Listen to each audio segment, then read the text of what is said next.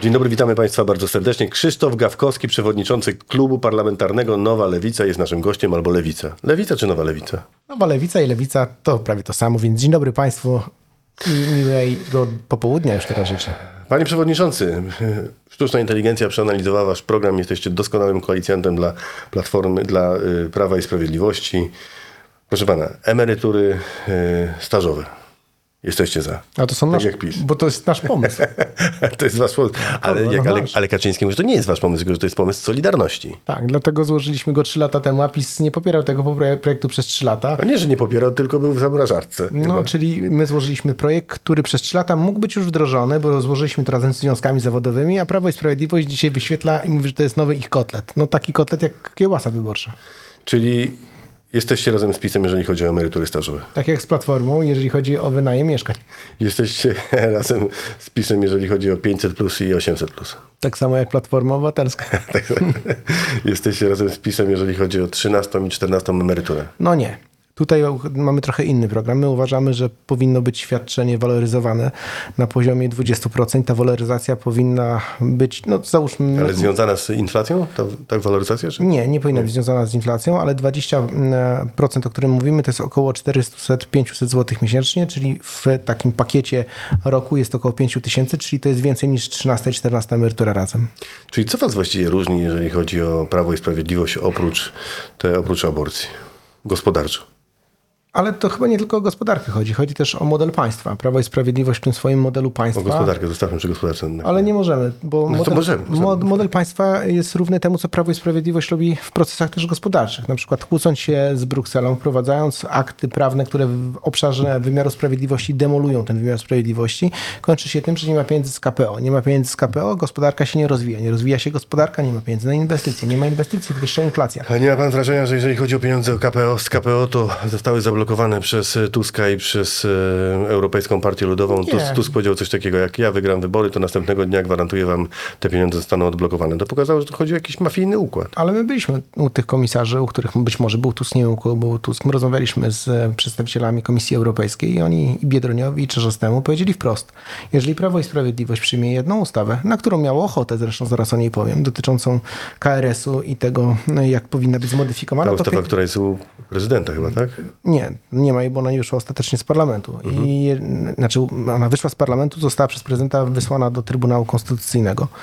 E, nie wiem dlaczego. I jeżeli by przeszła, to pieniądze by były. Zresztą za nią głosowaliśmy. Więc jak patrzę sobie teraz na perspektywę tego, co można było zrobić, to po prostu przyjąć takie rozwiązanie prawne, które będzie te pieniądze gwarantowało i by były te pieniądze. A PiS tego nie zrobił.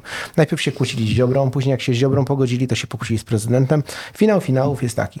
860 niby z pieniędzy z KPO, a można było je sprowadzić. A gospodarka ma się chyba nieźle. Nie wiem, czy nieźle, bo patrzę, że jest po pierwsze spowolnienie, jeśli chodzi o PKB, po drugie ta inflacja jest szokująca, bo mówimy o tym, że jest tam 10%, bo spadła na chwilkę. No na chwilkę spadła, tylko prawda jest taka, że skumulowana inflacja z dwóch lat to 30%. A jak wy możecie być e, w, razem z Platformą Obywatelską w koalicji, jak tam jest Giertych? Ale ja nie jestem fanem ani Giertycha, ani myślenia Giertycha, między innymi o polskiej szkole. Dla mnie Giertych, za pana Giertycha bierze odpowiedzialność Platforma na swoich listach. Czy się dostanie, czy nie, tego nie wiem, ale to na pewno nie jest człowiek z mojej bajki. No dobrze, a gdyby Giertych wszedł do rządu, to Znaczy, ja nie wyobrażam sobie Krzysztofa Gawkowskiego w rządzie z Giertychem Romanem. dlaczego? Dlatego, że A pamiętam... przynajmniej ludzie się zmieniają może, czy się nie zmieniają? Nie, dlatego że Roman Giertych to jest dla mnie cały czas ten sam współpracownik Jarosława Kaczyńskiego z 2006 czy 2007 roku, który demolował polską szkołę. Ja nie po to chodziłem na protesty pod Uniwersytet Warszawski, między innymi mówiąc, że nie dla żadnych mundurków nie zgadzamy się na to, żeby demolować polską szkołę i nie różni się tamto demolowanie polskiej szkoły od tego, co się dzisiaj dzieje z podręcznikiem HIT dla mnie, czy wpływaniem kuratorów oświaty na to, co się Co dzieje w szkołach. co pan ma przeciwko temu podręcznikowi HIT? Ja przeczytałem, uważam, że to jest bardzo dobry podręcznik. No ja uważam, że nie jest dobry A podręcznik. dlaczego pan uważa, że Bo jest nie jestem fanem historii, a nie zakłamywania rzeczywistości. To A co znaczy, tam jest zakłamane? No między innymi są takie rzeczy, które pokazują, że Lech Wałęsa został wygumkowany z polskiej historii. Znaczy naprawdę, z, z całym szacunkiem, ale ja nie jestem fanem Lecha Wałęsy, jeżeli chodzi o to, co robił po 90 roku, jak rządził Polską. Ale to mam, chyba chodzi o to, co on wcześniej a, robił. ale niech pan pozwoli, bo ja mam szacunek jednak do tego, że Lech Wałęsa był szefem Związku Zawodowego, największego w Europie, największego w Polsce, mającego kilkanaście milionów ludzi, dostał Nagrodę Nobla, wyprowadził Polskę z komunizmu, siedział przy okrągłym stole jako lider i wygumkowanie go z historii nowoczesnej Polski jest głupie. I donosił służbie bezpieczeństwa, był TW Bolek. Ale- Grafolodzy stwierdzili ponad Dobrze. wszelką wątpliwość, że brał pieniądze, a Ale no, niech pan, udaje, że nie. Ale niech pan pozwoli mi o to, na to odpowiedzieć. Znaczy, jeżeli bym zobaczył w tej książce, że mielibyśmy na przykład opisane, że Lech Wałęsa był współpracownikiem, czy nie był, nie wiem, ja nie jestem od tego, żeby to potwierdzać, ale Grafolodzy powiedzieli bez i wątpienia. IPN by to potwierdzał, to z drugiej strony, gdyby była o jego opisana dobra harta, która pozwala nam na tą rozmowę dzisiaj, bo Lech Wałęsa to jest jeden z tych liderów, którzy pozwolili, że dzisiaj w Salonie 24 sobie rozmawiamy, bo mamy wolne media, to ja uważam, że trzeba Lecha Wałęsę upamiętnić, a mówi to człowiek lewicy do pana. Więc jak patrzę sobie na historię, która jest dzisiaj zakłamowana, a robią to koledzy najbliżsi Lecha mm, Wałęsy, czyli Jarosław Kaczyński, który przypominam, siedział z nim przy jednym stole, kiedy został prezydentem Lech Wałęsa. O, jeszcze wiem, chciał, żeby, chciał, żeby był prezydentem. Więc- Pracował przecież y, na to, no takie były Więc fakty. jak patrzę sobie na tą historię, to ona jest dla mnie zadziwiająca. Ja jej nie rozumiem. I co jeszcze będą zmienić w tym podręczniku? No, Wałęsę, ale- Wałęsę trzeba było rozwinąć, jasne. No tak, Wałęsę trzeba było rozwinąć, ale też nie Rozwinąć, podobają okej. mi się takie wpisy, jak dotyczą tego, że jakaś produkcja dzieci z in vitro. Ja uważam, że to jest uwłaczające dla jakiejś dużej grupy ludzi, którzy mogą się z tego podręcznika już uczyć, zaglądać i zastanawiać się, co autor miał na myśli. Ja, ja nie potrafię tego zrozumieć, po co szczuć Polaka na Polaka. Ja pomimo tego, że mogę oceniać inaczej PiS, Platformę, może mieć inne programy, to uważam, że szacunek w takich rzeczach jak historia, czy jakaś takie myślenie i kształcenie Polaków, wiedzy o społeczeństwie, bo to też tak wygląda, powinno być wolne od wpływów politycznych. Jak nie jest, to każdej sile politycznej to szkodzi. A do Giertycha wrócimy, jest przeciwko aborcji. Dlatego powiedziałem, że nie z mojej bajki. Ja nie mam tutaj nic do dodania. Co ja mogę więcej powiedzieć? No nie wiem, no wie pan, zasta- zastanawiam się, jak możecie być, no nie wiem, no już nie, bo nie chcę, żebyśmy w kółko mówili o tym samym. Ja To- o Giertychu opowiedziałem, co na ten temat myślę. Znaczy ja sobie nie wyobrażam bycia w rządzie z Giertychem. A wyobraża pan sobie bycia z, w jednej partii z panią Janą Szostak, która mówi w wywiadzie, ja to słyszałem, żeby, żebyśmy, żeby nie było żadnych przekłamań. Siedzi sobie w samochodzie razem z panią redaktor Tarlą i mówi, że ona jest za tym, żeby e, dokonywać aborcji do dziewiątego miesiąca ciąży. Wszystko po tym, jak jest na naszych listach zostało doprecyzowane. Pan mówi o wywiadzie jednym, a ja mówię o wystąpieniach, które dwa następne miała i jasno powiedziała, że myśli o 12 tygodniu ciąży. Podobnie myśli, jeżeli chodzi o mur na... E, Czyli nie myślisz o tym dziewiątym miesiącu ciąży. Nie, znaczy, t- ta, ja też oglądałem tę rozmowę. To było tak, że y, rozmowa była ciągnięta w takim elemencie, e, że ona mogła też być zakłopotana, mogła czegoś nie czuć, e, co mówi, ale to, co opowiada o kobiecie i prawach i o dostępie do aborcji, mieści się całkowicie w ramach naszego programu. 12 tydzień. Ja mam taki kłopot. Pan jest człowiekiem dobrze wykształconym, pan jest człowiekiem elokwentnym, pan jest człowiekiem z szerokimi horyzontami umysłowymi. Słuchałem pani Jany Szostak kilka razy i A ja uważam, pozwoli pan, że nie dokończę zdania. A ja pozwolę Jeszcze, a mogę jeszcze raz tak zrobić? A ja dokończę zdanie. Jana Szostak, Jana Szostak według mnie mieści się w standardach e, tego, jak e, ludzie lewicy myślą e, o prawach człowieka, o prawach kobiet, jak myślą o bezpieczeństwie. To nic, nic nadzwyczajnego. Gdybym na listach różnych ugrupowań szukał tylko tego, że ktoś coś kiedyś powiedział albo gdzieś coś miał na myśli, a może nie zostało doprecyzowane, to pewnie moglibyśmy spędzić cały program na tym, że przyłapiemy kogoś na jakichś pomyłkach, gafach. 35 godzin e, pracy w tygodniu. Chciałbym, żeby tak było, ale wiem, że to Ja bym chciał z godziny pracować. No nie, ale to długi proces jest. Wie pan, to tak łatwo strywalizować i powiedzieć 35 godzin, uśmiechamy się. Ale prawda jest taka, że kiedyś o 40 godzinach pracy też mówiono tak, że to jest niemożliwe. Pracowali ludzie w tygodniu po 10-12 godzin. Tych godzin zbierało się czasami 60, czasami 55. Jak ktoś mówił 40 godzin pracy, to pukali się w głowę i mówili, hej, to się nigdy nie wydarzy. No i przyszła rewolucja przemysłowa, dokonała się pewna, pewne zmiany dotyczące tego, jak wygląda państwo. I dzisiaj nikt sobie nie wyobraża, że będziemy pracowali po 10 czy 15 godzin. Kolejny punkt waszego programu, koniec ze śmieciówkami.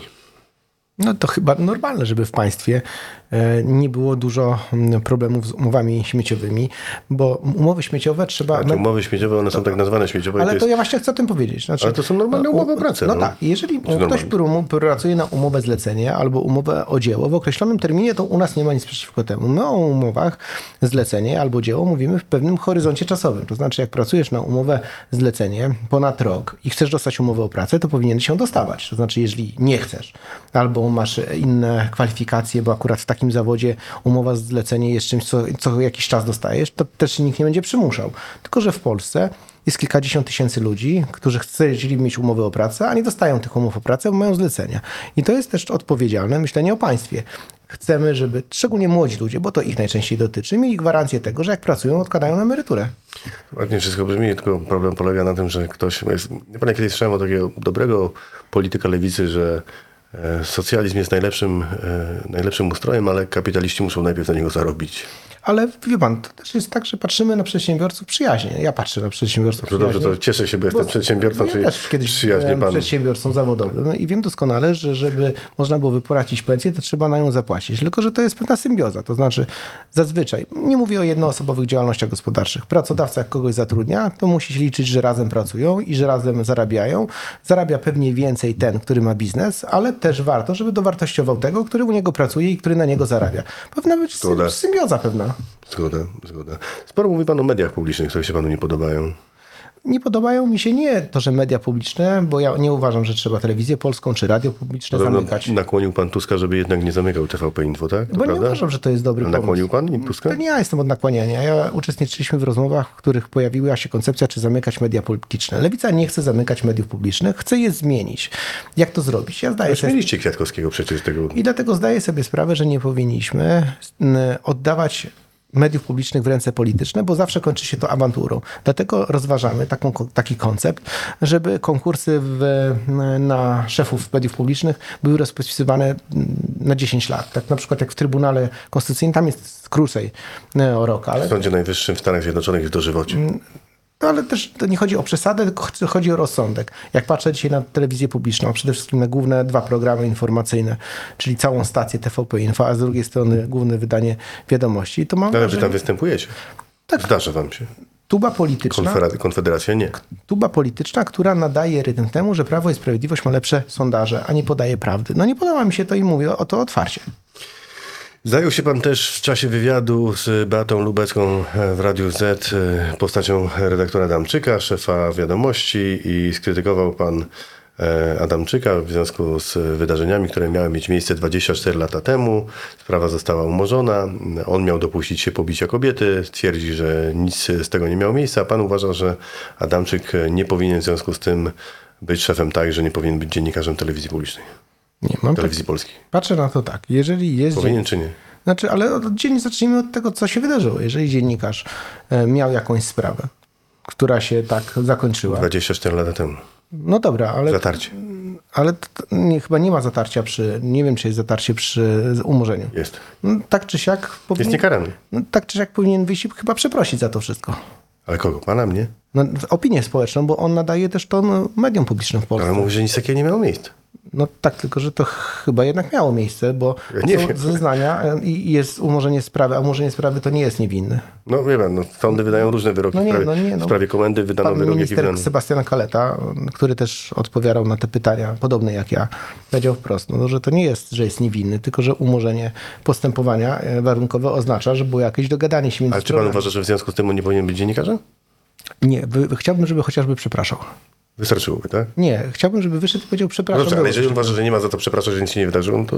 No, ale, no to, to pyta mnie pan o to, czy, mm, czy on walił kogoś w głowę. Nie wiem, ale uważam, że jeżeli była ta sprawa i wszystko to, co zostało opisane, chyba jest prawdziwe, bo mimo wszystko e, później kobieta się wypowiada na ten No temat. tak, ale to jest słowo przeciwko słowu. Wie pan, ja nie chcę nikogo tutaj bronić, ja nie chcę nikogo oskarżyć, bo ja też nie wiem, jak było. Ja po prostu Tylko, nie że wiem, było. zeznawała to na papiery.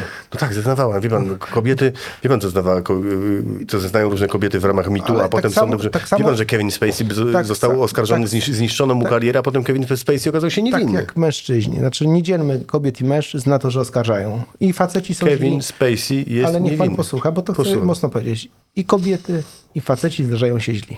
Ale jeżeli dotyczy oskarżenia osób publicznych, to chciałbym, żeby taką drogę i proces przeszedł pan Adamczyk, jak pan Spacey. Wtedy mógł powiedzieć coś innego. Dzisiaj nie mogę nic powiedzieć innego. No dobrze, czy jesteśmy zawieszeni? Jesteśmy zawieszeni.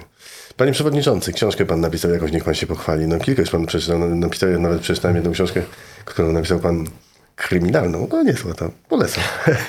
Nowe Państwo to książka o... Najnowsza książka. Najnowsza polityczna książka, po ośmiu latach odnowiona, bo e, o Obudzić Państwo napisałem 8 lat temu. A to ja to czytałem książkę, mam tę książkę. Taka czarna, tak. tak mam tę książkę. obudzić, obudzić Państwo. że jakąś nową pan, Tak, panią- nowa, to jest całkiem nowa książka, ale po 8 latach pojawia się na rynku coś, co też uzupełnia to, co wtedy mówiłem. Rozumiem. Bo zmodyfikowały się moje poglądy w niektórych miejscach e, i uważam, że naturalne powinno być u każdego polityka, że mówi o czym myśli w danej chwili czasu. To znaczy, jak mija jakieś 10 lat, lat, to powinien powiedzieć, czy wszystko, co myślał 10 lat temu, na pewno jest jak jest. To znaczy, czy czegoś nie zmienił, czy jakaś modyfikacja w życiu nie zaszła.